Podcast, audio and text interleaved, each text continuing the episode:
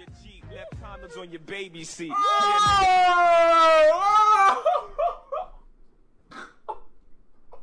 No. No. What? He said I came in your Bentley back seat, skied in your Jeep, left condoms on your baby seat. I'm not gonna lie. This is fighting words, bro. If I ever hear someone say this to me in rap, bro, and I, I'm guaranteed this was a true story, bro. Like he may he may exaggerate a little bit, but bro, I'm not gonna lie. We gonna have to see each other, bro.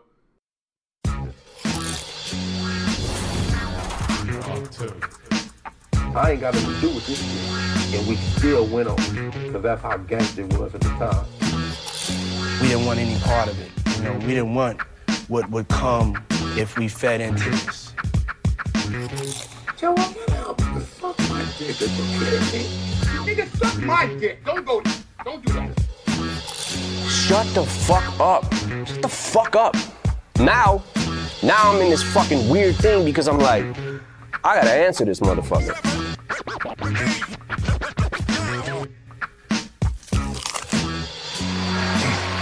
Sådär, Settle sådär. down. Ny vecka. Nytt bra tugg. Ah. Yeah, yeah, yeah. Det är vår nya tagline kanske. Den är så unik, eller hur? Ja, precis. ja, men det, det, ibland, det. alltså det, det är simpelt. Många har liksom så här. Hej och välkomna till en ny video på YouTube med mig. Superinfluencer Mac Hot Lips eller något sånt där. och så Mac kör de det sådär. Ja. Tidigare anställd av, McDonalds. Där låg det Mac. Det var ju väldigt hett och sexigt förra veckan. Det kan ni ge fan på. Jag tror aldrig vi har haft så där många olika. När jag gjorde timestampsen. Det är så många olika. För jag vill ju att man ska kunna hoppa till va- varje specifik del. Du Jag pratar tror- om avsnittet. Ja, Nästa. ja, nej. Jo, nej men absolut. Det var, det var roligt. jag tror aldrig vi har haft så många olika liksom, ämnen kring sex som ändå var ganska så här. Det var egentligen ingen jätteröd tråd. Kanske så här med förväntningar. Men rollspel och det, jag har för mig att jag knöt ihop säcken på slutet. Jag typ återkom till det Ah. första ämnet eller någonting. Ja. Va, det har med förväntningar att göra. Ja, så kanske Ja, det. Ja. Hur som har. Hur som haver. Avsnitt 81. Det är vår. Bra tugg och snart in i april. Jag tänkte bara göra en liten koll med dig kanske. Har vi någon gäst på G? Eventuellt snart kanske? Eventuellt. Eventuellt. min, tan- min tanke var att vi skulle försöka få en per månad. Kanske blir lite svårt, men, men vi jobbar på det. Jo, I värsta fall får vi, ringa någon kusin eller någonting. det finns nog en hel del som säkert vill, vara med. Det gör det nog. Men som Ehm, inte får. Precis. Ni hittar oss på Google Podcast, höll jag på att säga. Absolut, det gör, det gör man. Ja men säkert. Men googla Bra Tugg om ni vill hitta våra sociala medier, kanaler. Just Allt gott. Vi, vi, vi, vi uppdaterar överallt. Ja, ja. Inte kanske jättefrekvent på vissa ställen, men Ja, men det, det är som man säger, liksom, typ om man undrar någonting, är bara skriva. Om man Mm. skriver till oss privat på Messenger, det svarar vi också på. absolut. absolut. Eh, det har ju då blivit dags för denna veckans 30 Day Music Challenge. Tack så mycket. Och varenda gång du säger veckan så jag bara, ny... Ja, det- okej. så långt före, jag bara, redan? Ja. jag. Ja. Och precis som förra gången så eh, tänker jag, du får läsa upp dem. Och så säger jag vilken jag har valt först och så sen säger du. Okej. Som en oljad tandemcykel. Ja. Vi går då igenom en hel vecka, så att säga tillbaka då. 12 till 18. På 12 Precis. dagen, Mm. då var det A song from your preteen years. Mm. Eh, många låtar den här veckan, de här dagarna, har varit kopplade till långt tillbaka, så här specifika årtal och grejer. Så jag blev verkligen tvungen att kolla upp saker. Jo. Eh, och jag vet inte riktigt vad som räknas som pre-teen. Jag tänker innan, just innan man är tonåring. Ja. Den här låten kom ut när jag var kring, här i Sverige, när jag var kring 11 år. Så det tänker jag att det är liksom där kring. Det får räknas. Eh, Och det är en Yes. klassiker. Det är en riktig klassiker. Mm. Tänk om jag valt samma här. Nej, det, det har vi inte. Jag har inte varit hiphop. Coolio. Gangsters Åh, Paradise. Det är ju såklart. Vet du vad, jag hade tänkt ta en låt, jag, jag har inte tagit den. Mm. Men jag kan, jag kan säga så här. Den var absolut bra. Jag tog Green Day, When I Come Around. Jag minns att den gick på MTV som fan, typ då. Hur gammal var du? Oh, jag vågar inte säga, kanske typ 10-9 någonting Ah, okej. sånt där, så. Mm. Men jag tänkte på det, jag minns att du och jag, det, en låt som spelades mycket hemma hos dig när vi var små, det Mm. var, vad heter det, uh, Out Here Brothers med uh, Boom Boom Boom. Jag bara, den borde vi tagit Åh egentligen. det kanske kommer fler chanser. Så, ja, men det var det. Mm. Nummer 13 var alltså A Song You Like From The 70s. Mm. Här fick, 70-talet alltså. precis, det här fick jag också kolla upp. Det var några stycken som tyvärr inte kvalificerade för det som kom senare. Men jag hittade en som släpptes 79 som jag jag tycker, den är, jag tycker den är rätt nice. Det är inte absolut en av mina favoritlåtar från den här artisten, men Nej. tycker jag fortfarande håller en ganska skön vibe. Och det är Michael Jackson med låten Rock With You. Ja, så där. Själv valde jag en annan det är så gammal artist, så, eh, Stevie Wonder med låten Superstition. Mm, jag, var, jag var och tallade lite på Stevie faktiskt, men sen, sen, sen blev det Michael. Vilket övergrepp, han är blind. Nummer 14 blir då A Song You'd Love To Be Played At Your Wedding. Mm. Det här var också svårt. Jag, jag är ingen riktig så här kärleksballadperson, men jag hittade ändå en låt, det här är ingen kärleksballad överhuvudtaget, som den, den, den hade jag kunnat köra på mitt, på mitt bröllop. Ehm, och det är helt enkelt The Roots med låten Act 2, Love of My Life, eller The Love of My Life inom parentes, featuring Common. Ja. Jag körde en låt som jag faktiskt hade på mitt, uh, mitt bröllop som var... en- Du hör hur han gjort det där. Mm, precis. Fusk. Då hade vi, ja, jajamensan. Tom Waits. Det är en artist vi kommer återkomma till senare, inte i programmet men i senare avsnitt faktiskt. Mm. I alla fall jag. Um, Tom Waits med låten Little Trip to Heaven. Ah. On the Wings of Your Love heter den i efternamn. Så, eh, inom parentes. Är inte det en sån här typ dansk schlagervinnare? Fly on the wings of love. Nej, det är verkligen inte samma låt. Du vet vilken jag menar? Ja, absolut. Det är inte i närheten. Ja, då var det kul om det var den du hade på ditt bröllop. fruktansvärd. ja, det hade jag haft. Eh, så. Ja, det här är intressant. A Mm. song you like that's a cover by another artist. Det känns som att den här veckan då är typ så här att det här är för de som vill ha typ gammal rock och soul. Ja, Och eh, det är ju inte riktigt min allé så. Eh, det, det, för, för det tänkte jag, för vi, vi gillar mycket hiphop. Och jag Mm. bara, alltså hiphop, alltså det, vi, man gör inte covers. Nej. Det gör man ju inte. Det är inte så att någon skulle jubla, och nu ska jag ge ut Coolest Gangsters Paradise. Precis, Bara, det- Fuck, gör Det är du? så många som claimar det där att det är liksom så svårt och bara du får inte släppa en cover på det jag har gjort, det är mitt. Ja, ja. Mm. Trots det så hittade jag en. Oj, snyggt. Och det är eh, en up and coming eh, artist som jag tycker är väldigt bra och talented. Eh, en kvinnlig rappare som heter Beans som har gjort en cover på Cream. Det vill säga Wu-Tangs Cash Rules Everything Around Me. Ja. Samma beat fast, vad ska man säga, en lite upphottad version. For the new kids. Oh. Häftigt. Mm. Jag tog eh, bara någonting så enkelt som eh, Eva Cassidy med låten At Last. Som, eh, jag vet inte, alltså man skulle nog kunna ta vilken artist som helst som har gjort den låten. Um, klassiker när man hör den. Ja, Men uh, apropå det, nu. Då kom den här nämligen. A song that's a classic favorite. Mm. Och nu tänkte jag så här att i och med att förra veckan hade vi typ så här någonting, a song you're never tired of eller någonting. Det är nästan lite i samma. Ja, jag att- tänkte också det faktiskt. Så nu, nu, tog jag, nu tog jag en klassisk med ordets rätta bemärkelse. Det här är faktiskt en låt som jag tycker är bra, mer melodisk. Jag gillar gitarriffet. tycker det är väldigt schysst. Lite så här halvfunkigt, rockfunkigt. Eh, sången kanske inte riktigt så, men The Beatles med låten Day Tripper. Aj, au. det låt, alltså titeln låter som en hiphop-dänga. Mm. Daytripper. Ja, så är det.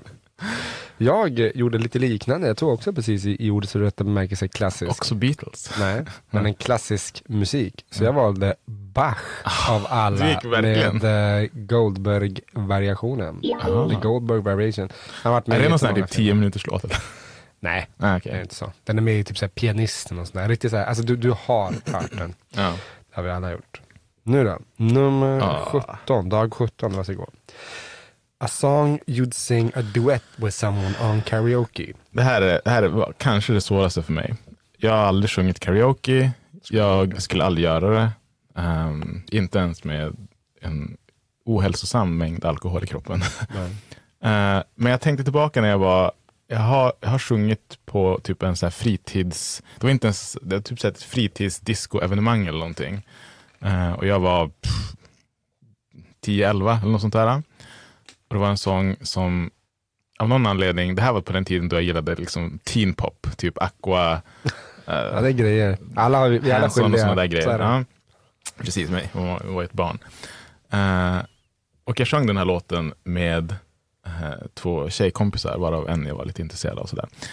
Eh, bara för att jag tyckte det var kul och ville typ flexa med att jag kunde texten. Mm. Som jag egentligen inte ku- Jag kunde den, men det är en spansk låt.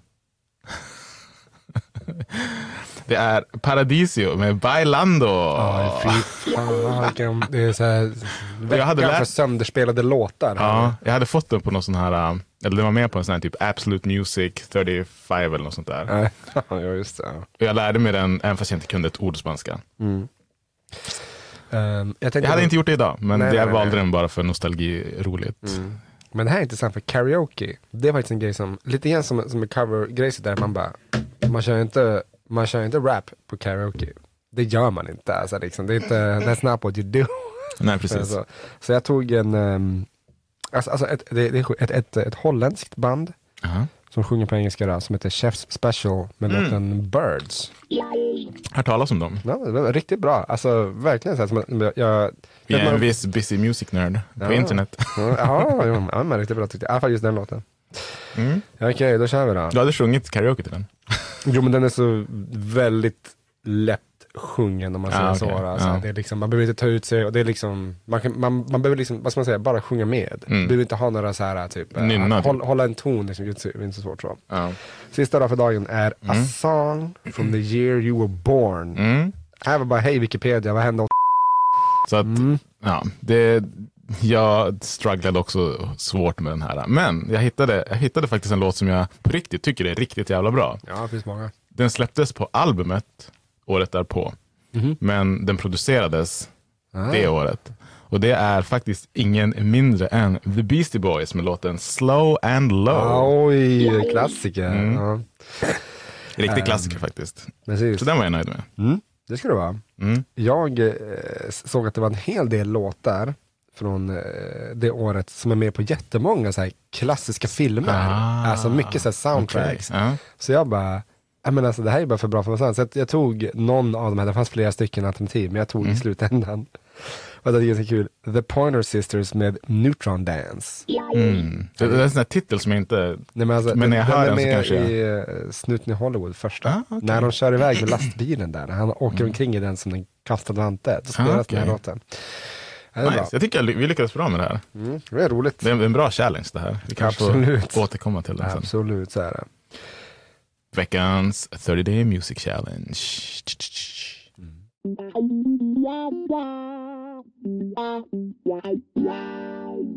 Jag tänkte bara innan vi går till, till det lilla nyhetstugget att, precis som förra veckan, gå in och rösta på bra tugg på Spotify. får ni jättegärna göra. Ja, precis. Eh, för att vi ska liksom synas mer och nå ut till fler. Ja. Precis som sist. Betygsätta oss där. Exakt. Mm. Hur gör man? Man går in på Spotify, man klickar på bra tugg och inte på senaste avsnittet utan det går liksom till Högst upp i... högst upp i sidan där, Ja. när man har som avsnittslistan. Mm. Och så allra högst upp där, där kan man välja att eh, betygsätta eller inte. Ja. Eller man ger fem stjärnor eller så inte alls. Mm. Trycker på de här tre Man kan även följa oss också, vad kul. Ja, som Man ser då. Men absolut. det om det. Ja, det om det. Ska vi gå till veckans? Nyhetstugg. Damn. Dags för veckans nyhetstugg.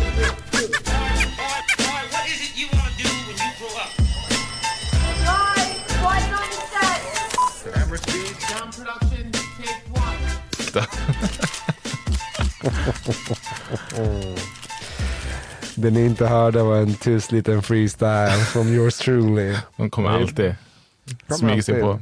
Så är det. Vad har hänt? Mycket har ju hänt, eh, som vi alltid säger så. Men eh, det är ju också lite grann att det är svårt det är svårt för nyheter just nu att ta sig igenom bruset som är kriget i Ukraina. Mm. Men då och då så kommer saker upp som händer som eh, vi, vi funderar på och ägnar en tanke åt. Mm.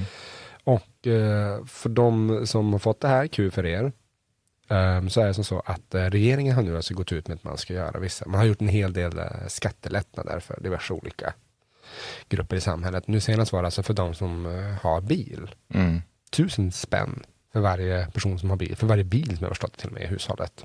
Mm. Ehm, och eh, sen innan dess har man gjort vissa olika eh, skattelättnader även för villaägare. Det var då det här med elen och sånt och bostadsrätten och sånt där. Och i början av pandemin så behövde man ju inte amortera och sånt. Mm. Ehm, och egentligen så här, typ så här det, jag, jag vet inte riktigt hur, hur mycket jag tycker om det här eh, och så. Därför att eh, som jag sa till dig innan här, att bara, det är väl eh, inte dåligt för de här personerna. Mm. Men det blir också så här bara, men var är skattelättnaderna för de som verkligen ligger på golvet? Mm. På arbetarklassen? Mm. Var är skattelättnaderna, var, var är de extra pengarna för de som faktiskt exempel inte har jobb? Mm. Jag tänker på det, jag ska inte hänga ut någon De som mest behöver det. Ja, men alltså, så här, jag, jag hade en, en, en barndomskompis som hade ett x antal, han och ett x antal syskon och var, eh, bodde ensamstående med sin mamma som jobbade som städerska. Mm. Hon hade fan verkligen behövt skattelättnader många gånger om. Mm. Hon hade ingen, inte råd med bil eller någonting sånt och det är så här, Mm. fan, fan ska hon få liksom tillvaron att gå ihop? Om Mm. man säger så. Mm. Nej, så det är ingen, ingen höjdare. Och så. Rika Det här- göder rika, även om det inte är rika så. Men, Men det, liksom, det blir så väldigt de tydligt. fattiga om- lämnas ju alltid.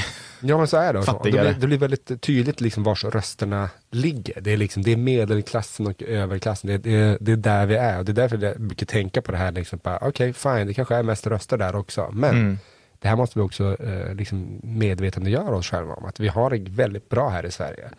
Viktigt att komma ihåg Mm. det här eh, när flyktingarna kommer. Och nu pratar jag inte bara om Ukraina utan generellt sett sånt. Det kommer ju komma. Vi måste Mm. hjälpa till. Men vi ska, inte, vi ska inte fatta mig så jävla eh, långt och ha massa harangen om det här och sånt. Men eh, ja, Jag är inte jätteinsatt jag är inte så mycket nej men det, det är bara en, en tanke jag, jag tänker på ofta det här, bara, nya skattelättnader, nya grejer. Jag bara, ja då, mm, men vad är till de som verkligen behöver det? kryper ju närmare och närmare det här valet. Så, Jo. och eh, man kanske inte ska uttala sig för mycket politiskt än, även om jag tänker att de flesta vet ungefär vart vi ligger. Men ett, ett visst parti bredvid eh, till, till, vänster sida om man säger så, går väldigt starkt just nu har jag sett i, i de större städerna. Eh, Jag tror det var i Göteborg så var de kring 18 procent. Du såg något så här nyligt? Vänta, vilket, alltså ett parti som ligger till vänster? Mm. Ja, jo, jo, jo, de går riktigt bra. Så det ska bli intressant att se. Ehm, men ja, nej, det, är, det är pissigt att det, ä- även i sådana här stunder där de fattiga verkligen behöver hjälp så får de kanske inte det. Nej, inte den ekonomiska de behöver. Nej, precis. Det om det, så vi går till veckans ämne. Yeah. Ja. Förra veckan, då var det sex. Mm. Denna det, veckan... är det flex. Ja, just det. Funk Master Flex. Mm. Det är beef. Mm. Hiphop beef. Mm. Jag vi- tänker att det, det första man gör i ett sånt här avsnitt, det är att förklara Det vad exakt. Är beef. Ja, det är Förutom en god grej att stoppa i munnen. Jajamensan. Uh, hiphop beef. Det, det är intressant, det här är ju en av eh, flera saker som är liksom väldigt, alltså, alltså som, som endast finns inom hiphopen. Ja. Du- Med, det sagt så tycker jag, tror man, nu, man, nu man kan säga så här att det startade ju absolut där och uttrycket myntar sig ju i den liksom, musikgenren och kulturen. Men idag är det liksom någonting som kan användas av vem som helst om du tjafsar med någon. Om du typ, vilka, så simpelt som att du stöter på din arbetskollega och eh, jag vet inte, ni har olika åsikter om, inte vet jag, veckoplaneringen. Precis. Då kan man bara, men alltså sluta beefa med mig. Och han förstår, eller hon förstår vad du menar. Så det har ju liksom blivit ett vedertaget begrepp i allmänheten. Precis. Men i, i hiphopen så är det ju liksom helt enkelt så att man, man, man har en meningsskiljaktighet. Yes. Men skillnaden är så här, det är klart att det finns artister även inom liksom pop, uh, fucking countryvärlden som liksom har Absolut. svårt för varandra av Mm. olika anledningar och sånt. Mm. Men det som skiljer hiphopen åt är ju att man ger ju varandra så kallade jabs genom sin musik. Man faktiskt namnger de här och säger hur sämst de är. Och det är väl här lite grann som bi- alltså hiphop-beefen verkligen c- cementerar sig och verkligen skiljer sig från det. Att Det är ju det, det är en sak att bara ge lite så här jabbar i, i, i media och intervjuer. Här liksom, de, de, de, de rappar ju sånger mer eller mindre dedikerade då till varför de är bättre eller varför andra då är sämre. Man skulle ju nästan kunna säga så att ur, ur hela liksom beef-grejen så föddes ju den så kallade diss-tracken. Oh ja, absolut. Och det är, Absolut. det, det är det som också är, vad ska man säga, kärnan i många beefs. Vem har den bästa diss-tracken, det vill säga vem skriver den bästa diss-låten om sin quote-unquote motståndare. Ehm, Men det är också så här, alltså en, en, en diss track, det tänker jag på så här, typ, vad, vad kan den innehålla? Inom rap så har vi faktiskt olika, vi har ju så battle rappers, det de gör är ju liksom mm, men det är inte samma sak. Nej, det är det inte. För det, det är det som är grejen. Alltså, som, som, det, det handlar ju liksom, visst du kan göra en, en låt tänker jag, så här, bara rent eh, upp och ner, så här, typ, jag är så mycket bättre än dig därför att, och så bara vis, visa det genom liksom, teknik, fyndiga Ja. bars och sånt, absolut. Sen finns det också det som är lite, när man verkligen liksom går hårt åt, Ja. är att avslöja saker. Alltså, Men jag tycker det är bra att du tog upp det här med battle rap, för det är ju, där är ju liksom, du ska ju inom citationstecken dissa din motståndare. Som du då, men då är det så här, du står på en scen, du har liksom, vad ska man säga, gått med på att vara med i den här, det är liksom mer en, eh, en tävling med, med regler där liksom du oftast har domare som dömer vem som vann ronden. Och då är det liksom, det du säger om din motståndare, det är liksom tänkt att vara en, endast för tävlingen. Det kan vara jättepersonliga saker, men det är liksom, du, du tar inte åt dig mer än för stunden så att säga. Visst, det finns såna gånger då det har spårat ur, men oftast så är det under väldigt så här, ordnade, städade förhållanden, även om det är tänkt att du ska säga så mycket liksom, förnedrande grejer om din motståndare som möjligt. Så att, eh, det, det är på något sätt, det är ju inte på riktigt, även om det är på riktigt. Medan, medan beefs och diss tracks, det är oftast, alltså i vissa fall, blodigt allvar. Ja, men det är det här som är intressant också, för det finns ju, det, det är roliga så här, jag tänkte, jag satt och kollade lite grann även igår kväll, Mm. lite olika intervjuer med, med, med olika rappare och sånt. Och det är tydligt att det är liksom att, så här, å ena sidan, du, du har diskuterat det här tidigare, men att å ena sidan så finns det regler att förhålla sig till. Mm. Å andra sidan är det fritt fram att hoppa över reglerna. Men, det, det är så här, um, vi kommer komma till den när, när, när Pusha T beefade med Drake. Um, då, då sa han det liksom bara, typ att bara, vi hade en beef och det var som inget mer med det, men sen plötsligt gick Drake över gränsen. Mm. För att han drog in, eh, typ, han började prata om Pusha T's eh, eh, fru, tror jag det var då. Mm. Och han bara, han bara, och det gör man inte. Han bara, så därför gick jag ännu längre över gränsen. Mm. Och det är här, men, men det är därför det är så intressant det här, liksom att bara typ, bara, du fick inte gå hit, men nu gjorde du det. Och du har öppnat. Alltså jag, jag, jag har ju ofta sagt det när vi har pratat, jag, jag, jag, jag känner ju inte att det borde finnas någonting du inte borde få säga. Just för att det, det är ord. Alltså, så länge du inte gör någonting mot någon, om vi säger typ att jag dissar dig, hittar vi på så här, och så liksom springer du och sparkar ner någon familjemedlem, Ja. då, då är det ju alltså, då är det fel. Då har du, då har du missat Även om du sparkar ner mig så är det fel, så, men det, det, är, så här, det är mer uh, berättigat på, på något sätt. Men det är men alltså, vi kommer ju ta upp många, många beefs här, senare, så här men det är ju det är jättevanligt att man ger sig på babymamas, ex, barn, allt sånt där. Och jag menar så här att det, det, är, det är fult, men det är ord. Kontra med bättre ord. Visa att du är liksom kanske the bigger person genom att bara dissa någons utseende. Ja, ja precis. Och det finns många, många bra, riktigt bra eh, bars. Så.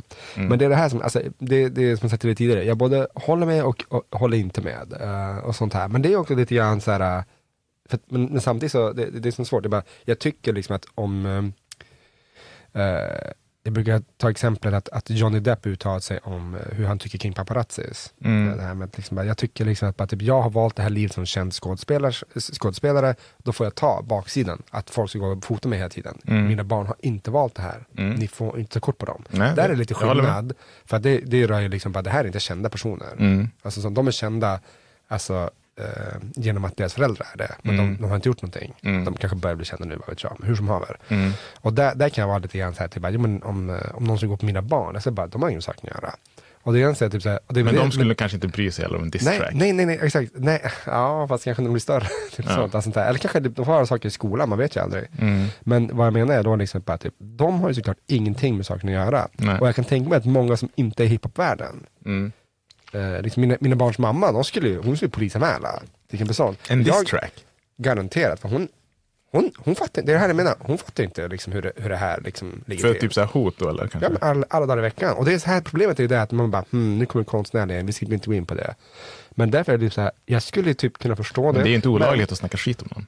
Nej, exakt så. Men det är högst olämpligt. Men hon skulle ju bli Ja, mer förbannad. Och det skulle ju andra personer bli som inte förstår vad en beef är. Förstår Mm, du? Det är därför, så här, så att, men det, det svåra är, samtidigt som jag säger det, bara, jag, då- jag mm, äh, håller med dig och Då kan man ju, då kan man säga så här, om vi, om vi säger att en beef startar ju nästan alltid för att någon är sur på någon annan. Ja. Eller båda två. Jo, jo. Och det finns ju fall där liksom folk har bara, nej men jag drar mig ur innan det ens blir någonting. Bara för att, Man kryper till korset ja. ja.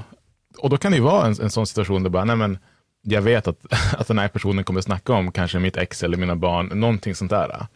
Och drar sig ur för att man inte vill ha den grejen. Men om du då väljer istället att svara, då tycker jag så här, då får du förvänta dig vad som helst. Jo. För då har du dissat personen. Precis. Det blir det lite grann, när handsken väl är kastad. Exakt. Um, som åter, vi kommer återkomma till det sen, men Pusha, Pusha T och Drake, Då kan du säga så här till dina barn, bara, okej, pappa är med i en diss nu, så var, var beredd att gå till skolan och kanske få höra lite, lite, lite, nej, lite, jag nej. inte säga så. Nej. Men, det- men det är som sagt, alltså, jag, jag kan förstå Pusha uh, i det avseendet, att han var med så här bara, jag, jag gick i, han bara, han, bevisligen, vi kommer gå in på det sen. Du ska få ta den sen. Han visste, han visste saker om Drake Mm. som Drake inte visste att han visste. Mm. Och eh, då var han så här, typ, han bara, jag gick ju aldrig dit. Nej. För att han, han höll det ju lite grann som jag sa tidigare. Det var mer bara liksom typ så här, det här är dåligt, jag är bättre. Mm. Det här är dåligt, jag är bättre. Mm. Du suger, jag är ännu bättre. Mm. Eh, Så. Han höll ju på den nivån. Mm. Och det är det som är grejen, jag tror att eh, det är därför jag tänker liksom att typ, man, börjar man direkt hårt? Nej, oftast börjar det, för det är liksom en uppbyggnad med beef. Mm. Eh, vi kommer komma till några klassiker här sånt, men det, det är intressant. Mm. Och som du säger också, jättebra exempel, att någon är sur på någon annan och sånt. Det behöver ju inte alltid börja med att jag tycker att jag är bättre än, och så går man någon Rolodex och tar fram första bästa rappare. Mm. Utan det är ju liksom, man, man har ju oftast någon meningsskiljaktighet. Det kan ju Ja. vara allt ifrån någonting att man var polare tidigare, man har kompisar som har bråkat, man har någon eh, alltså meningsskiljaktighet kring annat och sånt. Mycket har man ju hört om att eh, tyvärr i hiphopvärlden Mm. är ju det att eh, många har, det har ju varit skjutningar, det har ju många som Absolut. dött. Så Mm. Det här är ju faktiskt dessvärre en av anledningarna till att hiphop är världens eh, så att säga dödligaste Farligaste, eh, genre. Mm. Och det, det, här, det här hjälper inte. Man kan väl säga så här, musiken har blivit sämre idag, men dödandet har blivit mindre. Beefs idag avgörs ju sällan på det planet, för att det, det är mycket mer, eh, alltså på, på mest gott skulle jag väl säga, och ont, så är dagens hiphopartister mycket mer soft. Soft, för att snacka lite New York-slang. Um, men eh, förut, liksom, s- 90-talets heyday, så var det ju, det var det liksom, hade du en, hade du en brutal diss-track ute, då var ditt liv i fara, skulle jag nog säga. Ja, ja, jo. Många- bara- Beroende på liksom vart du, du kommer ifrån och sånt där. För det, är liksom, det går ju inte att liksom prata om, Mm, om diss tracks utan att komma in på det faktum att, liksom att många hip, hiphop kommer ju som från, från gatan. mm, Eh, det är ju väldigt ovanligt att folk kommer liksom från en medel eller överklassen och börjar rappa. mm, Eh, och då, då är det liksom lite grann att man, man tar ofta med sig det in i studion, in i sina lyrics och sina bars. mm, Och eh, det, det, här, ja, det är också det här som är grejen. Hiphop är en jävligt, alltså det, det, det, det är tävling. ja, Så är det. Så det här hör ju som till. mm, Men det är ju bara svårare att eh, kunna vara lite grann så här, typ ja men eh, du får inte, det är många producenter så, som Uh, Puff Daddy, legendariskt, för att han berättade att han har ju sagt det här om till Biggie. Han bara, typ, du skiter in på att rappa, absolut så, men han tvekade ju innan. För Mm. att han bara, för du, han bara, jag, vet att det du snackar om, det är på riktigt. mm, Men det lämnar du alltså när du går in i studion. Jag vill Mm. inte hålla på, liksom jag vill inte ha några poliser, jag vill inte ha massa andra som skjuter och sånt här sånt. Det gick som det gick med det. Little did he know. Ja, precis.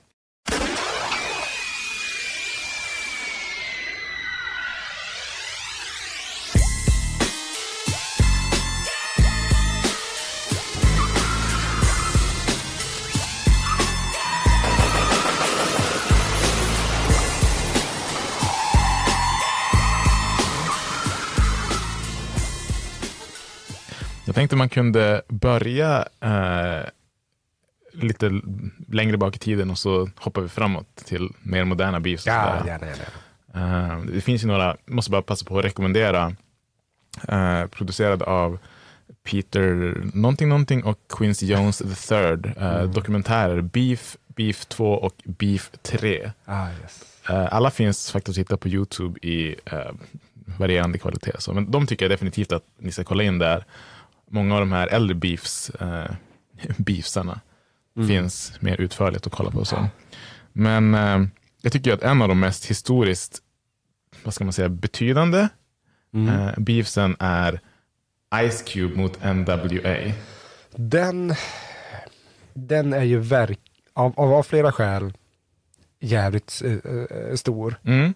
Alltså den går inte att glömma eh, av, av, av flera skäl. Så, Mm. Men den var också så väldigt NWA var ju där och då bland det största som fanns i hiphopvärlden. Ja, exploderade och så sen gick Ice Cube iväg. Han var ju en av medlemmarna. Mm.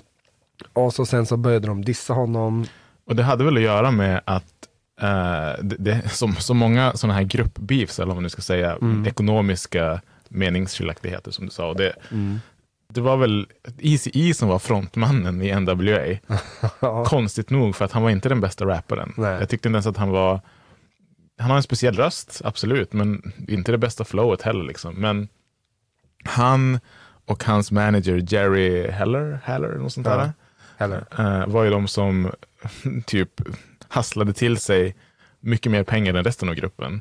Och eh, det var någon gång då de skulle skriva ett kontrakt och mm, som, som någon sa i en- intervju, Ice Cube var den enda som var smart nog att inte skriva på kontraktet. Nej. Eh, och sen gick ju han solo och eh, det gillade inte de andra. Nej. För man skulle säga det också så här. musikbranschen och dess kontrakt. Mm. Det är slavkontrakt, alltså än idag. Ja. Det är helt bisarrt hur man kan faktiskt, alltså, alltså hur det här kan få vara lagligt. Mm. Eh, det, det finns ju exempel på Smashing Pumpkins, vi tog upp det här tidigare i något avsnitt, hur, hur de berättade att de var så här, typ 20 år, Mm. skrev på ett kontrakt för typ så här, sex skivor. Ja. Alltså det är ju det är, det är artister som inte kommer upp i sex skivor. Nej, precis. Så han bara, och det är liksom typ så här, du, får- du får göra vad fan du vill så länge du säljer. Börjar försäljningen gå lite dåligt eller så här, hatta av lite grann. Då kommer de in och bara säger exakt åt hur du ska göra så får du kompromissa med allt. Mm. Han bara, det, är- det är kukigt och han bara, du får typ inga pengar. Nej. Du får, är- du får liksom ett förskott, men de tar in allting, allting du tjänar på det. Ja. Så här, så här är helt, helt vanligt. Mm. Så, alltså, eller helt vanligt. Det är, och all you up and coming artists, passa er. Ja. Kolla på kontrakten. För det, jag tycker så här, det är ju en grej som Ice Cube gjorde väldigt, alltså det var modigt. Han sa, säger själv i intervju att folk liksom bara, vad gör du? Du typ hoppar av från den mest framgång, framgångsrika gruppen någonsin. Men jag tror att han visste ju någonstans att han är egentligen den riktiga stjärnan. Men han, han skrev, Han skrev ju, allt alla. han skrev Liksom. verserna, han var den som låg bakom mycket. Så när han gick solo, då var det liksom bara, ja, jag vet att jag kan skriva, jag, jag vet att jag kan liksom göra det här på egen hand. Ja. Eh, och det finns ju, jag tror att det började med, det är något videoklipp man får se då, då typ NWA och liksom deras affiliates står och kastar typ glasgrejer på någon så här istruck där det står Ice. Och bara, this is what we think of Ice Cube. Och han såg det där och liksom blev lite bitter, förståeligt sett, och skrev en låt som heter Fast No... Aha. Först dissade de honom. Nej men de gjorde inte det. Jo. De, det, det kom aldrig en diss track från NWA. Det kom ingen dis- de, de tar upp om honom i låten. För att han var, han var noga med, att poängte- med att poängtera, han bara, jag sa ingenting om dem. Nej. Inte, det- alltså han släppte sin America's Most Wanted. Ja precis. Ja. Sen så kom en låt där de säger någonting om honom så. Ja, alltså det är det. ingen diss track så. Det är ingen de, diss track, de, precis. De, De- det, de- det är ja, man det är kallar för sant. jab. Liksom. Ja, det är en liten bara, alltså en, kanske någon som sa någonting, två, tre saker. sådär. Och han Mm. bara, nej jag sa ingenting. Och som han sa, han hade fortsatt säga, men han höll käften. Precis. Sen kom den. Ja. No Vaseline. Och den, mina damer och herrar, är än idag bland det tyngsta. Mm. The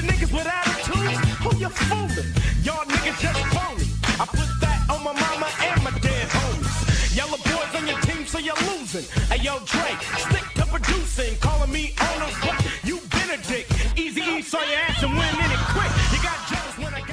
Och det, det är så här lite grann som vi sa innan. Det var inga direkta hemligheter som kom fram så. Men Nej. det var bara väldigt bra wordplay. Mm. Han har vä- väldigt uh, smart, han, han visar ju precis hur vass hans penna är. Mm.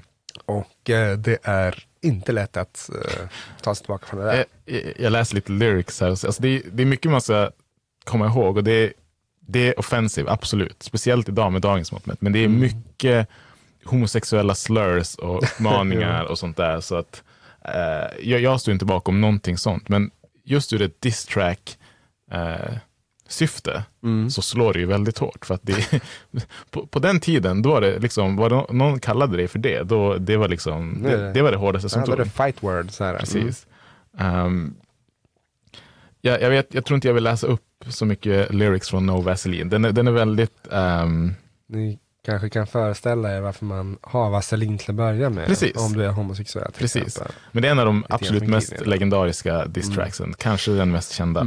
Eh, Fruktansvärt bra titel också. Ja. Vi, vi pratar sällan om det och sånt här sånt. Men att sätta Ja. en titel på en låt kan vara nog så svårt. Men han verkligen så här bara, inget vaselin. mm, För nu jävlar Mm. blir det. jo, verkligen. Absolut. The gloves were off. Och det är det, det här som är intressant. Han, han, han körde på direkt. Det här gick inte åt hemskt ifrån. Nej. Ehm, Och det, det var ju det, o- oavsett vilken version du hör och så här, eh, vad som hände sen. Men det är ju liksom underförstått att NWA-medlemmarna där, de svarade inte. nej, För det var liksom, det fanns inte så mycket att nej.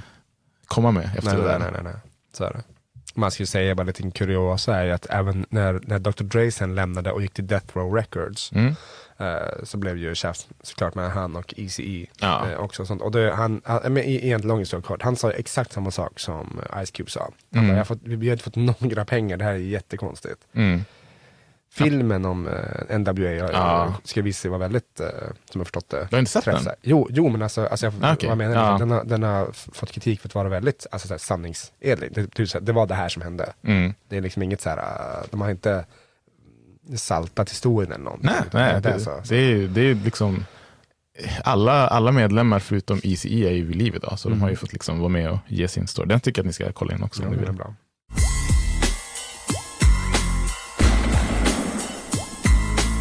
Jag tänkte, sen kunde man följa upp det, för det är ju en väldigt intressant beef igen med Ice Cube. Han är ju känd liksom som den som tar ner folk på jorden. Jo, jo, jo. Han hade ju en liten beef med, med Common där också, som, vi, som vi såg. Men en av hans större, större beefs, som faktiskt, jag, jag skulle säga eskalerade mer än den med NWA, det är, eh, vi kan säga Ice Cube, Ice Cube, Ice Cube slash West Side Connection versus Cypress Hill. ja. Eh, som började, jag- såg faktiskt, uh, blev tvungen att refresh my memory igår, uh, bakgrunden till det här. Och det var ju att Ice Cube och Be Real var ju polare Ja, ja. till en början. Och Ice Cube och eh, vad he- vad heter han? Eh, Chris Tucker var på väg att släppa filmen Friday. ja. Och då satt, eh, satt han och liksom pitchade olika delar av filmen till Be Real när de höll på att liksom bara hänga och typ spela in musik. Och så hörde han eh, en låt från deras uppkommande album Temple of Boom, tror jag, eller sånt där, som heter Throw Your Set in the Air eh, med Cypress Ja, Hill. ja. Och eh, Ice Cube bara, ah, typ, kan jag få låna den till filmen? Jag tycker den är jävligt nice. Och Be Real hade som bara, um, nej men alltså vi tänkte typ släppa det här som vår stora singel. Eh, men du kan få den här låten, typ Get High eller något sånt där. Och Ice Cube bara, ah schysst, för den tycker jag också är nice. Passar väldigt bra till filmen för övrigt. Ja. Eh, sen visade det sig att när filmen väl kom så låg det en låt på soundtracket som hette Throw your hood in the air eller något sånt där. Där de hade egentligen tagit hooken från Cypress Hill-låten rakt av, fast ändrat ord och sådär. Kukigt gjort. Ja, väldigt eh, sådär. Och Be Real blev då uppringd av någon annan typ affiliated och bara du, eh, gav du bort låten Throw your set in the air? Och Be Real bara, nej, alltså de fick eh, high-låten, så här, helt coolt, men inte, inte den. Och han bara, ah, okej, för att lyssna på soundtracket, den är där i refrängen. och Be Real gick in och lyssnade på den och blev inte glad. Nej. Alltså han ri- ringde upp Ice Cube och liksom bara, vad håller ni på med typ? Och Ice Cube bara, nej men äh, det måste bli något missförstånd. Vi, vi, det var, även om det så här, äh, stämmer lite överens var inte det tänkt att liksom hijacka din låt. Eh, så då för att typ make up så bjöd han in Be Real eh, och liksom, han skulle typ, han skulle vara med på en låt med några, eh, några andra typ rappare som Ice Cube hade typ hittat.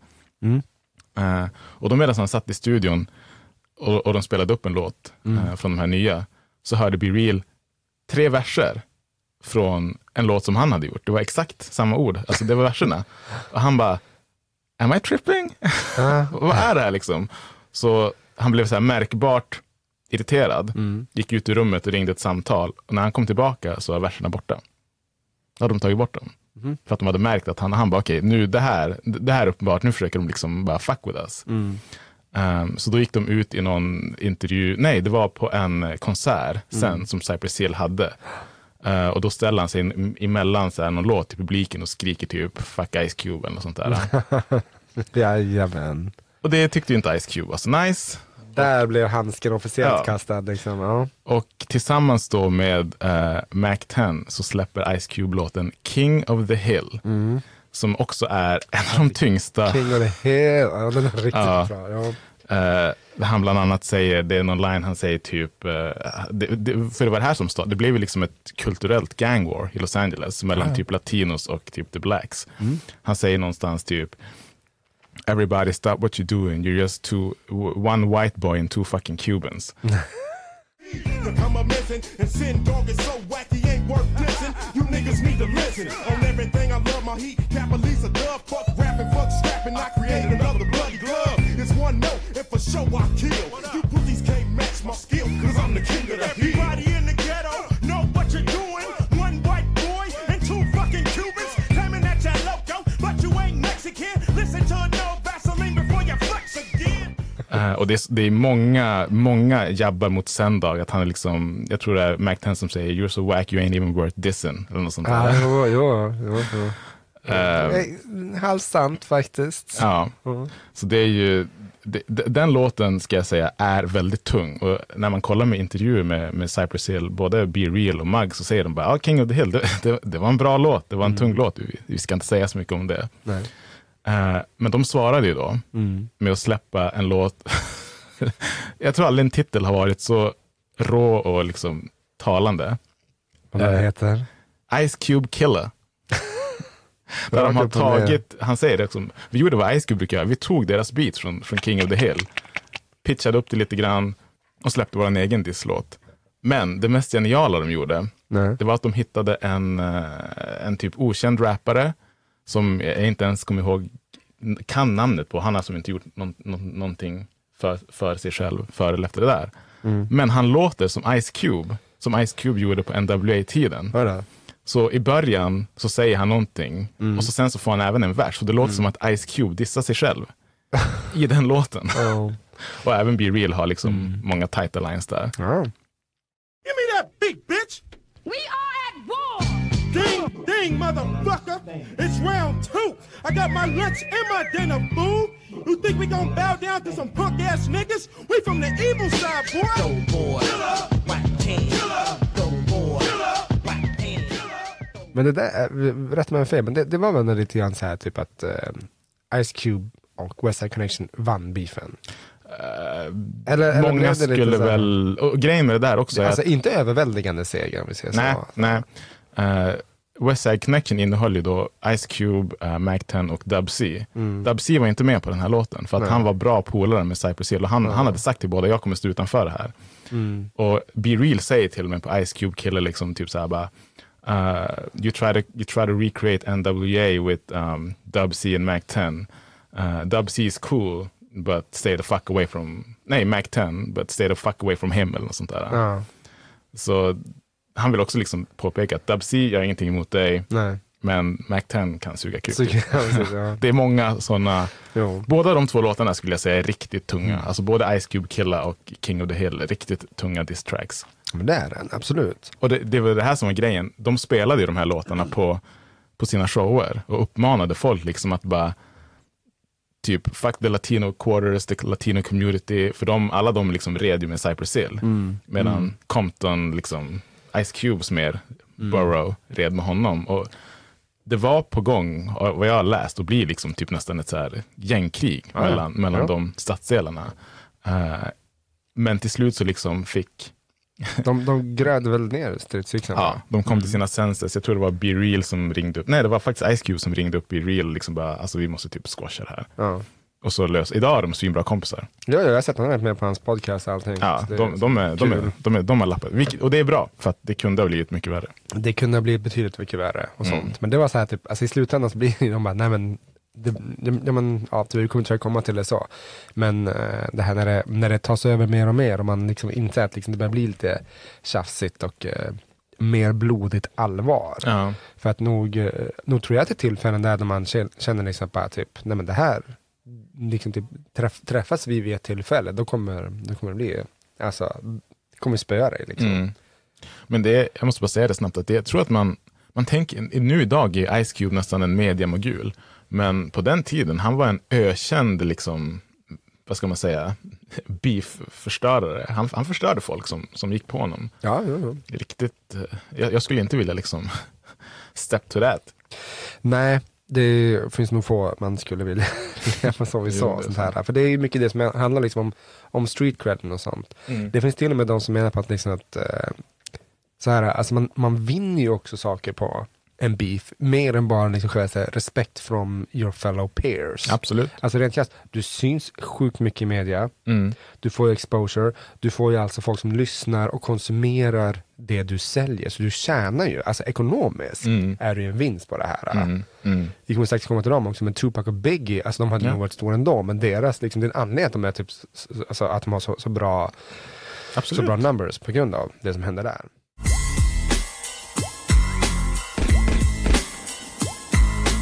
Men ska vi snacka lite om det, Tupac mot, för det är ju den stora West Side Ja. versus East Side. Jag tror faktiskt att du har lite mer kunskap om det än vad jag har. Mm, jag vet inte, men jag kan fylla i. eh, Så. Jag har ju sett, men det, är det liksom- finns ju filmer, dokumentärer om båda, om hela den där Ja, ja. eskaleringen. Precis. Men- Men det är en klassisk, eh, den här så kallade West Coast versus East Coast beefen som eh, pågick. Mm. Känslan var nog att det var lite mer, alltså West Coast-rapparna, Mm. bland annat Ice Cube och de här, och sånt, Tupac och de, Snoop och det, det var ju Mm. mycket mer att de, de, de kände jag ofta liksom hade mer agg mot East Coast Mm. än, Ja. än tvärtom. Det var inte så att det, alltså det, det var väldigt sällan man hörde East Coast-rapparna, alltså. New York och allt Ja. det här, liksom håller bara fuck the West Coast. Mm. Liksom så.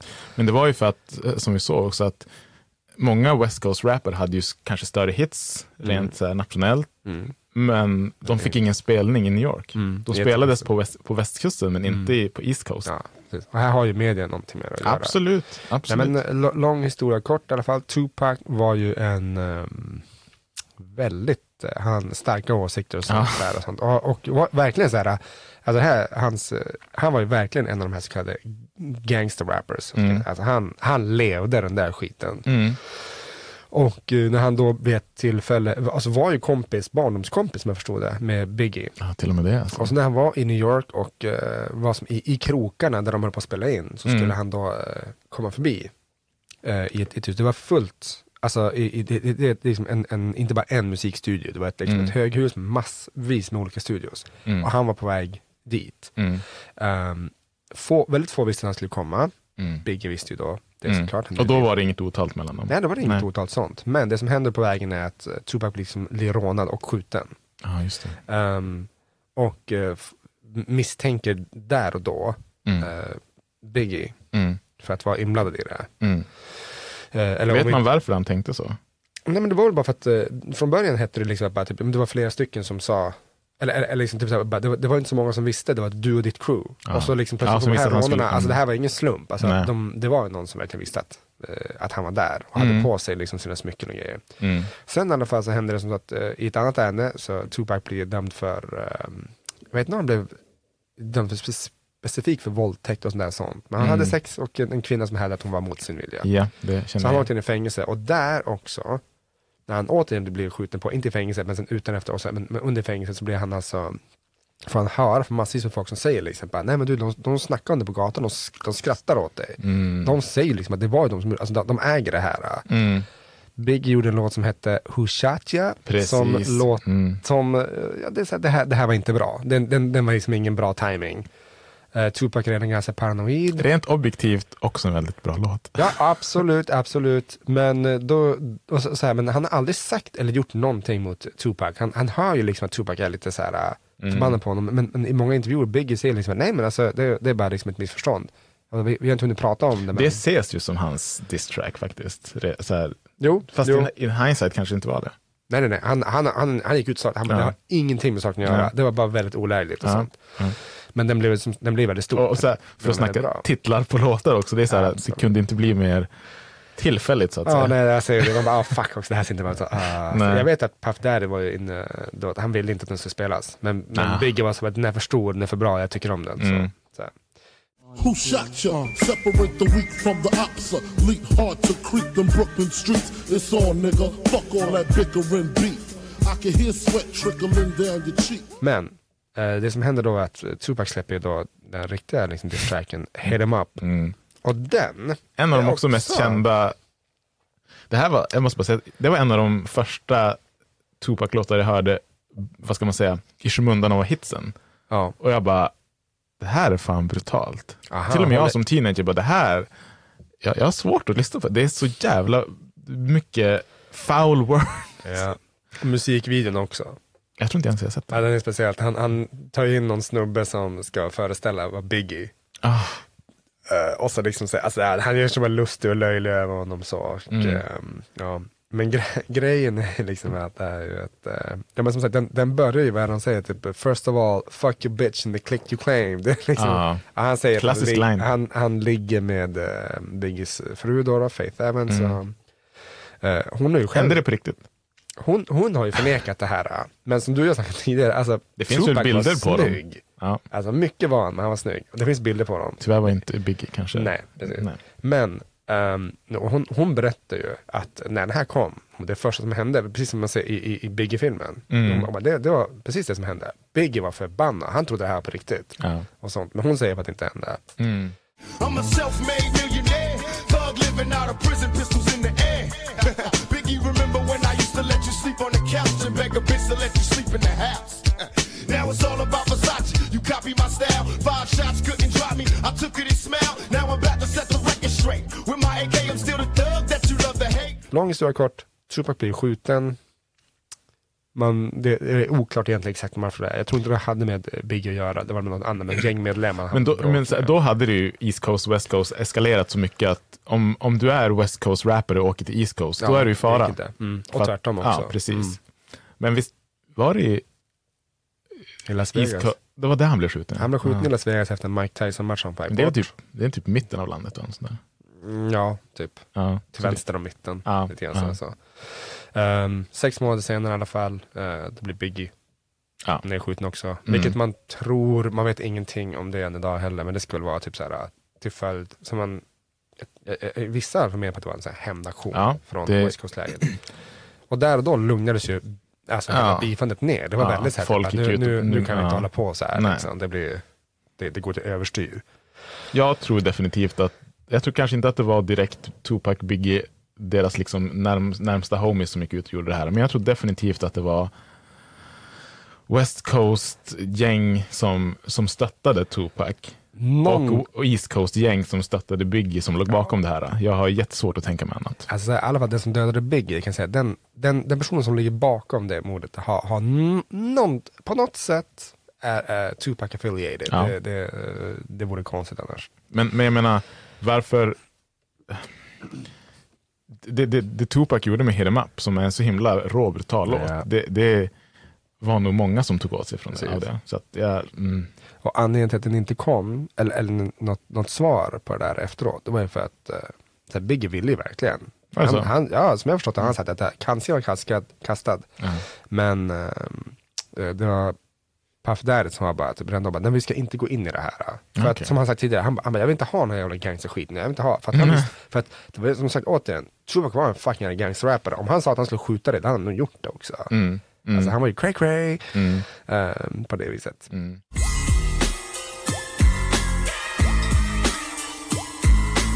Jag bara hoppa över till en nästa så? Ja, kör. Det finns en annan klassiker mellan två giganter som var på östkusten i New York. Ja, det, vi tänker på samma. Nas Versus Jay-Z. Hove.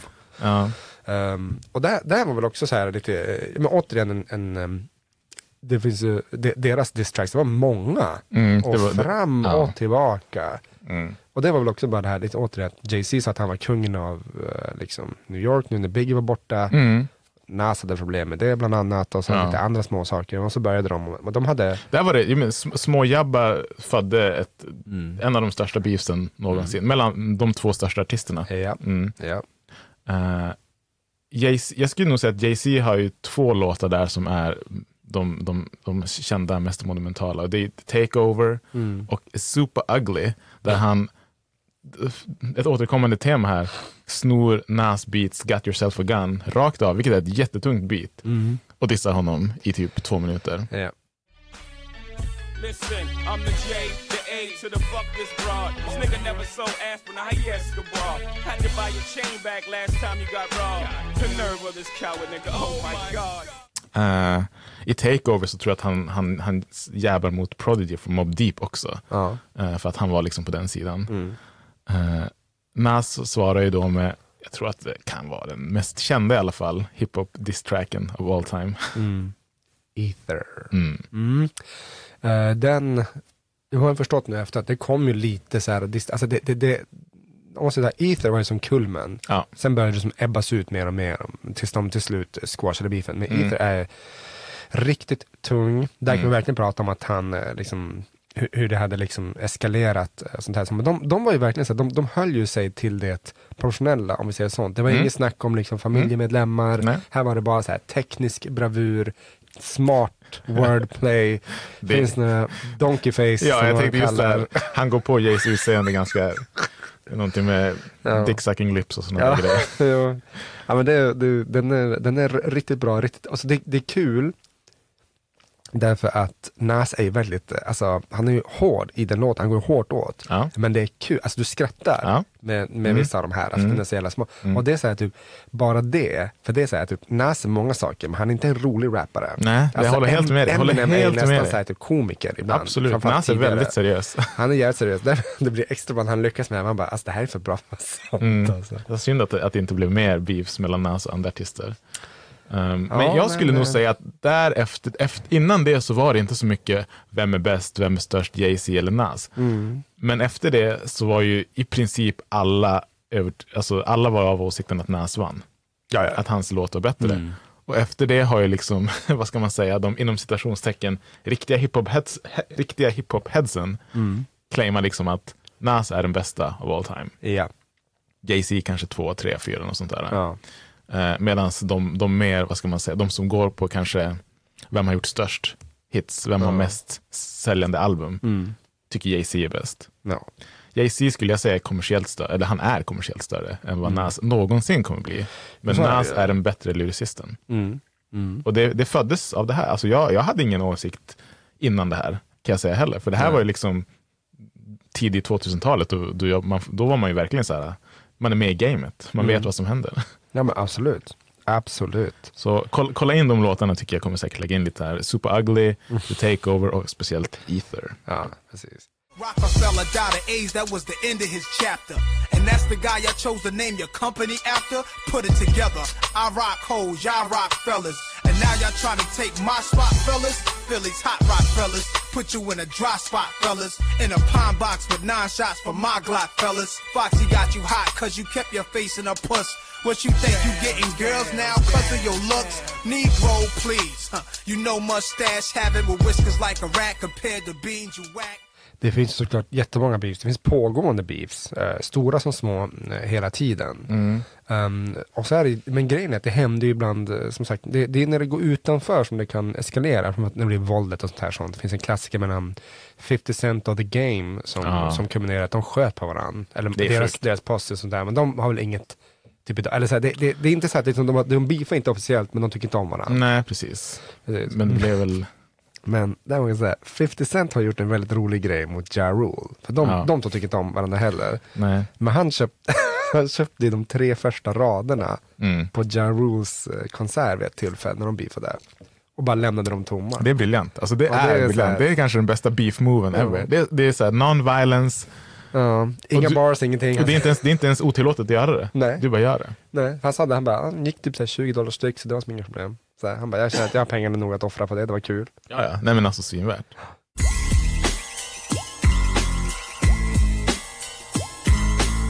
Jag tänkte nu, nu, nu tar vi den här som, som du har balkat upp till. Ja, Den moderna, kanske största beefen. Bland en artist som i alla fall är störst just nu. ja. Drake och Mm. Pusha T. Drake Mm. är väl får man ändå säga att den största hiphopartisten just nu. Japp. Så är det, det är ingen, det är ingen diskussion. Mm. Eh, ingenting om det och sånt. Och har ju liksom därav såklart också då beefat med en hel del Ja. eh, personer. Ja. Ehm, det började väl då när han bara eh, hade en beef med Meek Mill, en annan rappare, Mm. som, som eh, hade gått ut på en typ tweet och sagt att liksom bara, men typ Drake använder så kallade Ghost Riders. Mm. Det här är ju liksom... Vilket är sant. Ja, precis. Man gör inte sånt i hiphop. Du skriver dina egna verser i pop, det är whatever sånt, men i hiphop är det liksom, det är du som berättar historien. Det är, du som, det är din, det är din teknik som syns. Mm. Ingen doping så att säga. Men, eh, och det här var någonting som bland annat då Pusha T hade eh, snappat upp och, och eh, kommenterat vid något annat tillfälle och sånt här. Och då, då hade de haft lite låtar fram och Bara kommenterat sådär typ. Ja, Ja. sånt, och du vet, gett en jab någon låt och sånt här sånt. Mm. Och liksom, så här, apropå liksom, det här med Ghost Riders, Ja. så hade han kommit in på Drake då Ja. bland annat. Mm. Eh, för det är så man gör. Mm. Eh, Drake nappade ju. Och eh, det finns ju många som tror på att det här var egentligen, typ, Pusha visste mycket väl vad han gjorde hela tiden. Ja, okej. Han hade ett end goal som gick väldigt eh, bra i så fall. Mm. Um, för då började de hålla på lite grann fram, och tillbaka. Pusha T släppte väl en ganska en, en väldigt bra låt, Infrared. Där han Var det första? Det, det, var, det var första riktiga Okej. disslåten. Ja, och okej, sånt. ja. Innan är det bara som, som vi kallar de här jabbarna som Ja, syns i andra mm, låtar. Mm. Men det här var riktigt en diss track. Mm. Ehm, Drake släppte någon låt där han faktiskt, jag kommer glömt bort nu pinsamt nog vad den heter och sånt här. Men den hade liksom, det var många som sa bara, ah, men det här var inte, liksom, inte alls dåligt. Utan han, han får liksom bibehålla sin lilla så här, beef cred som Drake har. Mm. Ehm, och då eh, hände men, men sa då någonting där om, eh, han kommenterade Pusha T's eh, fru. Mm. Och där var ju Pusha T som var så bara typ, nej. Nej, nej, nej, nej, det här är inte liksom reglerna. Mhm. Reg- alltså, Det finns inga regler. nej men precis, men det är det jag menar, liksom, det finns inga regler, men det finns, så här, det finns regler, men det finns inga regler. Eh, så. Lite såhär, now you stepped out of line. Ja, men precis, det var det. Och då släppte Let me han då- rewrite the line. då låten eh, som då hette Story of Adidon som är genialisk på flera olika sätt. Hela utrullningen där, alltså, men, vi har ju snackat om lite tidigare, men alltså, Ja. det, är, en- det, är en, det är en, en ensam låt, en singel, men den har ändå en cover. Japp.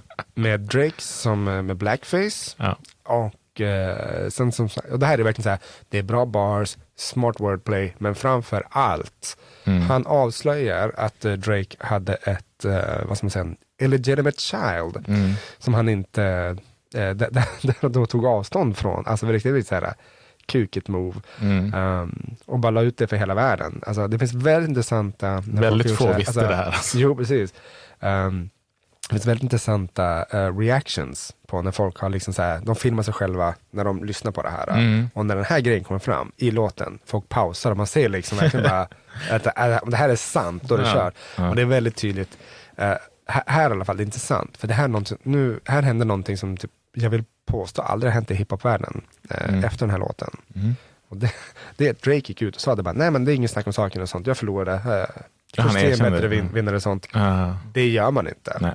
Alltså, du kanske håller käft, alltså så här, du, du ger dig i form av att inte säga någonting. Du ger dig i och med att ge en, en inte alls lika bra diss track. Mm. Liksom sådär, som, eller, eller försöka ha några jabbar och sånt. Men som den andra personen bara, ja men, ja, men som lite grann med, med Nas och Jay-Z, att han liksom bara, ja, vad du än säger, det, jag hade ether. Du, Mm. måste, du måste komma med lika bra eller Mm. toppa det. Det är Ja. så det funkar. Och Drake vet att han inte är egentligen en... Nej, eh, det tog som slut där. Så att eh, det rann ut. The Story of, alltså Adidon är väl namnet på det här barnet? Eh, när barnet också. Sånt. Alltså, all, titeln på låten, bilden på covern, texten, allting. Det är förstår du att en av de största slakterna någonsin. Ja men förstår du att ha ett eh, sånt där och så typ sitter någon och han bara du, Push har släppt en disslåt mot dig. Whatever, får höra, vad heter? Och så bara, Store of Adidon bara, uh, don't, press, don't press play. Mm. Han fattar säkert direkt bara, det här Ja. var inget bra. Nej, nu, nej, nu det. Det här var ju, nu är det skit också. Så här, sånt. Och där kan man ju säga att alltså, det var inte så många som visste vem Pusha T var inom det här. Och han är ändå inte jättestor idag, men det hjälpte ju hans karriär rejält. Absolut. Jag kände inte, ja, alltså, han är ju från Clips, en Mm. klassisk early 2000-grupp från, jag tror de är från Carolina och sånt där, som har haft Mm. lite Neptunes producerat. Jag, jag gillar Clips länge, men, men och är den, den bättre av dem, ska man väl säga. Så, Ja. men han, han, han eh, blev ju verkligen större i och med det här. Jo. Since you name drop my fiance, let them know who you chose as your Beyonce. Sophie knows better as your baby mother. Cleaned her up for IG, but the stench is on her. A baby's involved, it's deeper than rap. We talking character, let me keep with the facts. You are hiding a child, let that boy come home. Deadbeat motherfucker playing border patrol. Ooh, Adonis is your son, and he deserves more than an Adidas press run. That's real. Det finns ganska många beefs där Jo. ute också. och Sånt. Jag, tänker, jag vet inte om vi hinner... eh, Det är fläsk på, det är beef. Ja, okej, Beefigt avsnitt. Nej men eh, absolut, absolut. Eh, det, och det, det är så intressant är också att om vi då tar det senaste som kan, det kanske som jag har sett nyhetstugg egentligen. Mm. Det är att The Game har gått och lite försiktigt som vi vet, Jaha, kastade vanten och sa att han, var, han, han bara, han bara, jag tycker det är kul att eh, det är en rappare då Mm. som har sagt att typ, jag tycker det är kul, för innan så typ, tänkte att Eminem var bättre än mig, men nu gör jag inte det. Och det, det är intressant när han säger det här i klippet av flera eh, skäl. Eh, För Mm. det första så är han ju inte det. För det andra, eh, om, man, om man då lyssnar, när han, säger det här, han säger det här i ett podcast, eh, Drink Champs. Mm. Jag vet inte om du tänkte på Nästan det. fem timmar långt avsnitt är Ja, det. men folk skrattar i studion åt honom när han säger det här. Ja. Och det, är- det är för att det är redan det. Och jag tror till och med, jo, jo, precis, programledaren säger det, typ, tittar på honom och bara, Norrie. you don't want beef with them. Det är Mm. så här, eh, och det här är ju egentligen, M har ju ingen skalp på så vis. Alltså, the, rent krasst, the game vore ingen skalp Nej. för någon som Eminem heller. Så. Men han har ett rykte om sig. Mm. Det är tydligt, han, han kom ju från den här battle rap-scenen. Mm. Eh, tog ju ner Machine Gun Kellys, eller som till och med någon sa häromdagen, bara, eller som jag läste, att bara, förstå att bli så dissad så hårt, jag blir inte riktigt så hårt, men du blir dissad så hårt att du byter genre. Ja. Det var vad som hände med Machine Gun Kelly. Mm. Men, Jag, jag, så här, The Game är känd för att snacka skit. Ja. Eh, jag, jag såg ju det här klippet, jag tror det var du som skickade till mig Ja. faktiskt. Att jag skulle inte, det, är ingen, det är ingen diss mot Eminem. Det Nej. är bara att han, han, han är packad, han är väldigt packad. ja, Och säger liksom att han är bäst av Mm. alla. Och det, jag tror inte Eminem kommer svara på det. Alltså jag tog det inte som att han dissade Eminem, utan mer såhär bara, jag är bäst på jorden, nobody can touch me. Vilket Ja. han inte är, det är inte sant. Men, eh, jag, jag tror inte, men, men däremot, det är intressant att du sa det, för att jag tycker att Machine Gun Kelly-beefen är mycket mer intressant. ja, ja. Det började ju med att Machine Gun Kelly typ stötte på Eminems dotter Mm. på Twitter, tror jag, eller om det var Ja, Instagram något och sånt där, sånt. Han skrev någonting. En lite lewd comment. Mm. Och så här, det är inte olagligt. Eh, och Eminem såg det här och krävde typ att Machine Gun Kelly skulle be om ursäkt eller något sånt där. Mm. Vilket då gjorde att Machine Gun Kelly skrev, i min, nu har inte jag lyssnat på Machine Gun Kelly speciellt mycket överhuvudtaget utöver det här. Mm. Men av det lilla jag hört så är han totalt kast, trash, värdelös. Ja, ja. Men hans, hans, hans första och kanske enda diss-track någonsin, Rap Devil, som är Mm. direkt mot Eminem. ja, ja. Det är inte en dålig diss-track. Nej, Jag, jag har sagt det flera gånger. Ja. Jag tycker inte Machine Gun Kelly är varken en bra människa eller en Nej. bra artist. Men det här är en, det här är en vass låt. Han gjorde inte bort sig. Nej. Det håller jag absolut med om. Och det, det, var lite, det var lägligt för honom, för han går på mycket som jag håller med om. Mm. Mycket kritik mot Eminem som jag står bakom. Han har släppt tre dåliga album i rad. Mm. Han tar upp liksom att du gick från att vara här till att vara här. Du Mm. är emo, ditt skägg är fult, du är gammal, vad håller du på med, sluta vara bitter. Mm. Allt det där håller jag på med. Och han säger även någonting att typ du tar åt dig för att jag slänger någon kommentar om din dotter, du som är typ the biggest bully in the rap game. Vilket är sant. Ja, absolut. Alla dagar i veckan. Att Eminem liksom tjurade över det, jag, jag tycker att det var, låt han, alltså hans dotter är vuxen idag, hon kan väl tala för sig själv. Ja, absolut, absolut. Han ville markera. Eh, Ehm, och det är ju, men, men det är intressant. Rap, alltså Eminem släpper då Killshot. Killshot. Som, alltså, ja, jag kan bara säga, jo absolut sånt. Du, du, vinner, du vinner beefen, det är Mm. det så. Men, men återigen, det är ingen så här, det är också- det är ingen jordskredsseger. Det är ingen jordskredsseger. Men, men det, det är tillräckligt mycket för att Machine Gun Kelly svarade aldrig.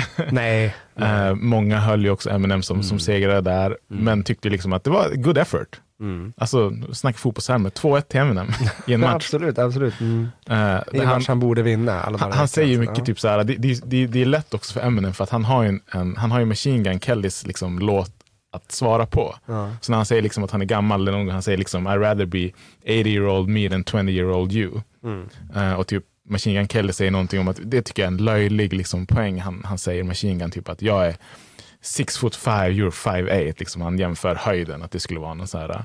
Och Eminem bara, ja, men det är bara lättare för mig att suga din kuk typ. Ja, jo, jo, men det, det, det är det här Eminem vinner mycket på sina bevis, att han, han driver mycket med sig själv. Ja. Alltså så. Han, Mm. han har inget problem med att liksom släppa något sånt. Mm. Men det är, han är beefat jävligt mycket med många andra artister, alltså som inte är rap. Alltså, Ja, är han har- både- han har slängt är- jabbar i alla fall åt- Men han har ju släppt en, han släppt en diss track som bara finns på, på YouTube, Aha. eller i alla fall inte på någon skiva. Mm. Eh, som heter eh, The Warning, eller vad den heter, eh, mot eh, Mariah Carey efter deras liksom, date fallout. Ja, ja, ja.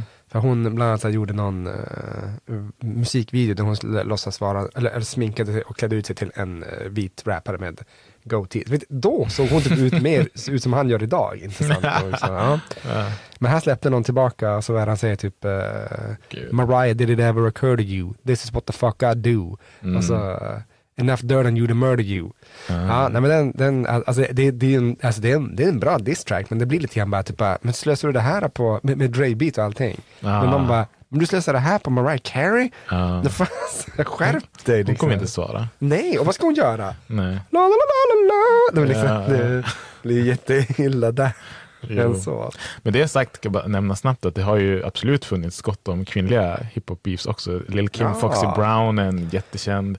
Lil Kim och Nicki Minaj. Ja, det, och det, det är också så här, de har ju också, de har vänner, gjorde collabos. Ja. Jag vet inte riktigt vad som hände där, men de, de är fortfarande idag inte bra vänner. Nej, det, det är inte löst kan nej. jag säga. Nej, det är många, och så är det också, mycket, mycket löses uh, ju, inte i de här och sånt. Men det är, återigen, rappare har ju använt det här uh, beefandet för att, för att liksom här, få upp siffrorna lite grann sånt. Mm. Jag vet, jag, jag vet inte om det var sant, det var ju en eh, beef som nästa, alltså innan det han bli någonting så tog man ju ner det på jorden och det var ju mellan Drake och Kanye. Ja. Ehm, och det Jag trodde det skulle bli en beef där Ja, faktiskt. men det, det, jag läste att det finns folk eh, som, som har trott att liksom, bara, typ, är det här ens på riktigt? Är inte det här någonting de bara gör för att gynna varandras eh, liksom, skivor? För de Mm. släpptes ju ganska samtidigt då. Ja, jo, så, så kan det ha varit. Men Det är inte o- slut omöjligt. det kändes ju också mer som en... Alltså det, det, var- det, var- det handlade inte så mycket om, om hiphop och skriva låtar, utan mer att de, de är två lite omogna artister som Ja. bara vädrar att de tycker illa med, med varandra. Jag skulle väl för ovanlighetens skull nästan hålla, hålla mig till Drakes läge där, för Kanye, han, han, han har problem just nu. Kanye kan, ja, nej.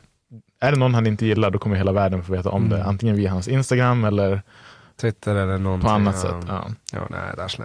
Hade du någon fler du vill ta upp? Nej, inte, inte så. Däremot skulle jag en fråga, för jag har själv en, men jag undrar lite grann så här. Om du fick önska en beef, drömbeefen, wow. mellan två artister som då, alltså, Hade man ve- uff. Ja.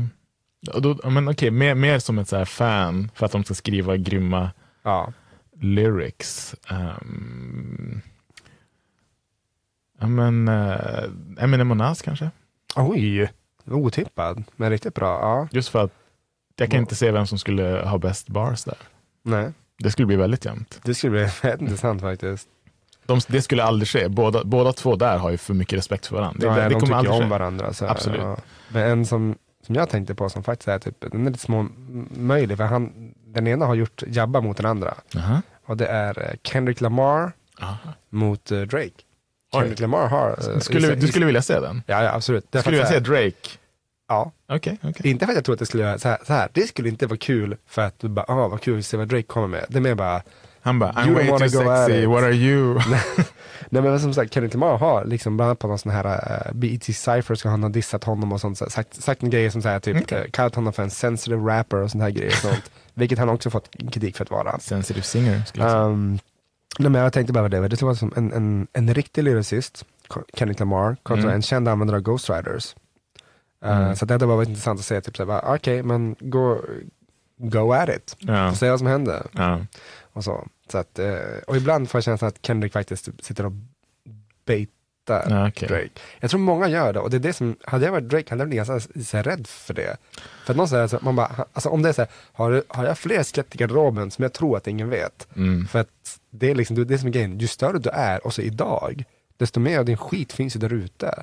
Då kommer någon till slut bara typ, hej du förresten. Så här. Ja, jag tror, det är bara en känsla jag har. Efter Pusha T-beefen så kommer inte Drake ge sig in i någonting mer. Nej, jag För han, inte- så länge det inte är någon som han känner att han kan ta, och det är inte så många tyvärr. Nej, Alltså, nej men så. Jag, jag Kendrick, är han skulle inte ha en suck. Även med Ghost Riders, han skulle inte ha en suck. Nej. Alltså, jag, är, jag är inte det största Kendrick-fanet, men jag vet att han har en vass penna. Det är han. Det är också därför jag du vet ser det kanske. Men, men det är det som också är grejen. Eh, folk har ju påpekat det att Drake behöver inte heller. Han är för stor. Nej. Alltså Drake kan, även om det är Kendrick så kan Drake välja att bara titta åt ett annat håll. Alla dagar i veckan. Och släppa liksom Certified Lover Boy 2 istället. Mm. Så, eh, ja.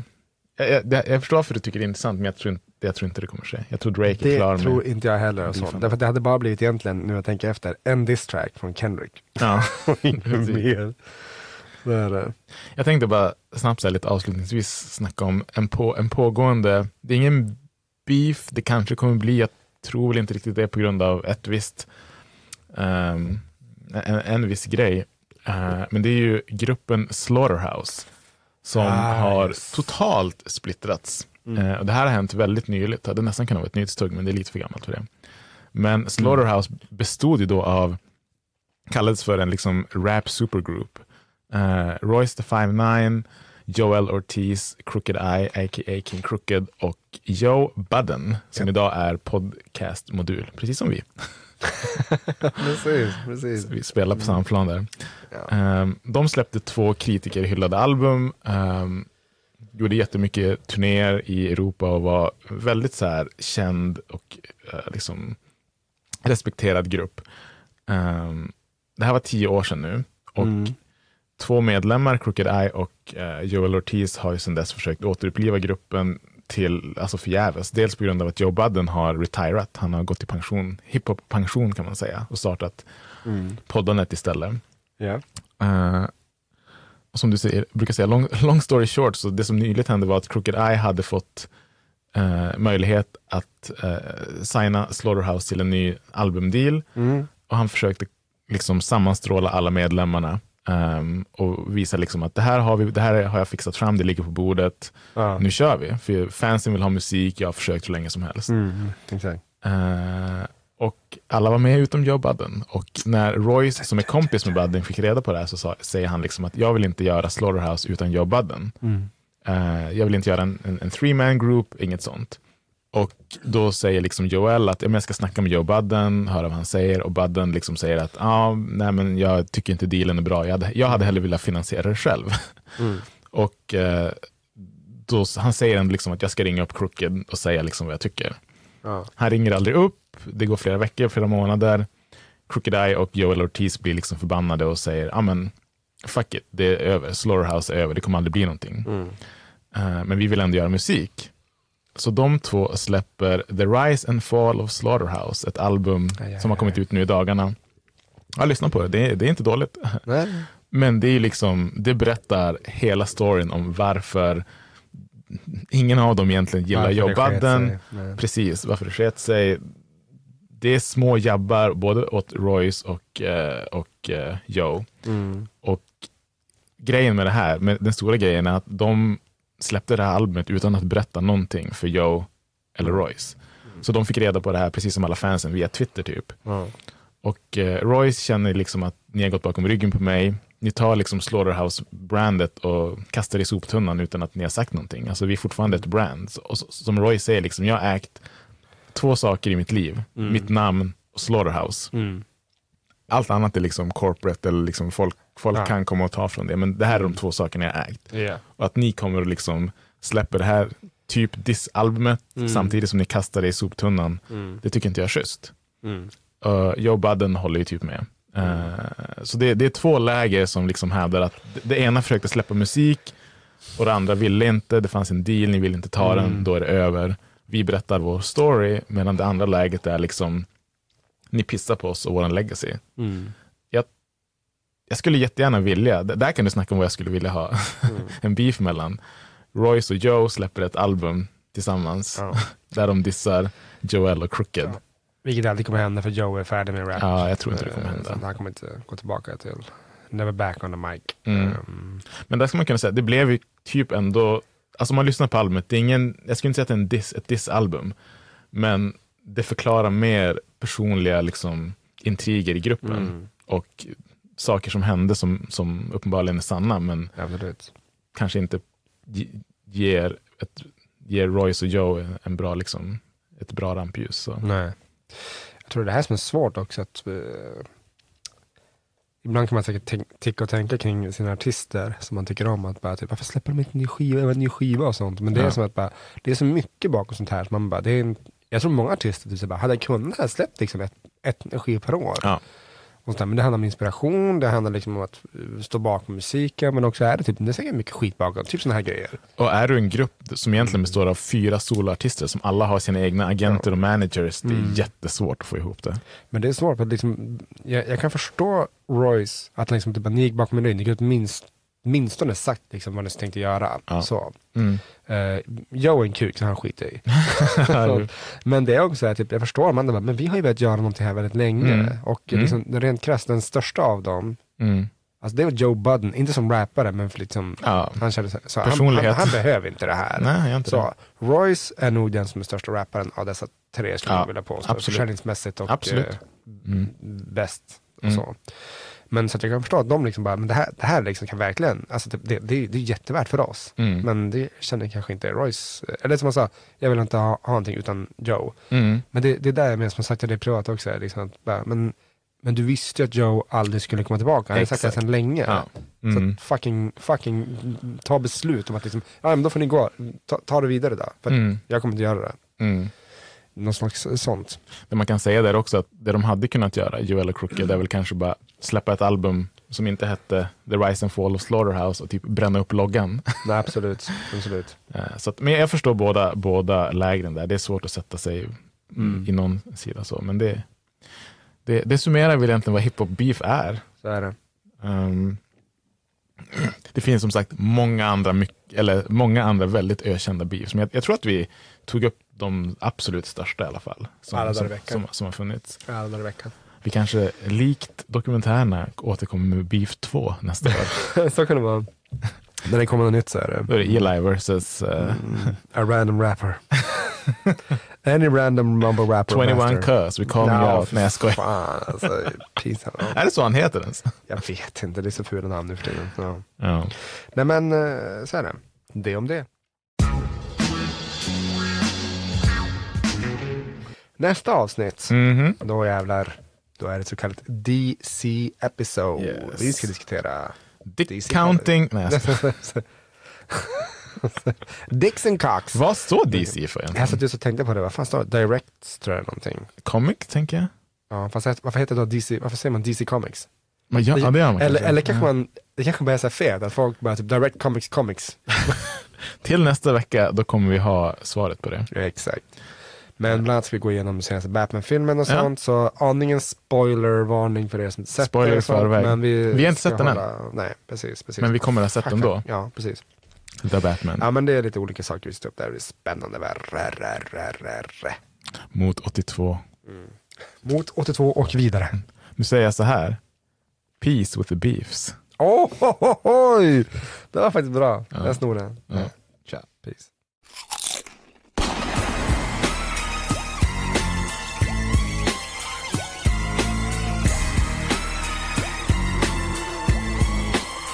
That SWAT sensor, it penetrated.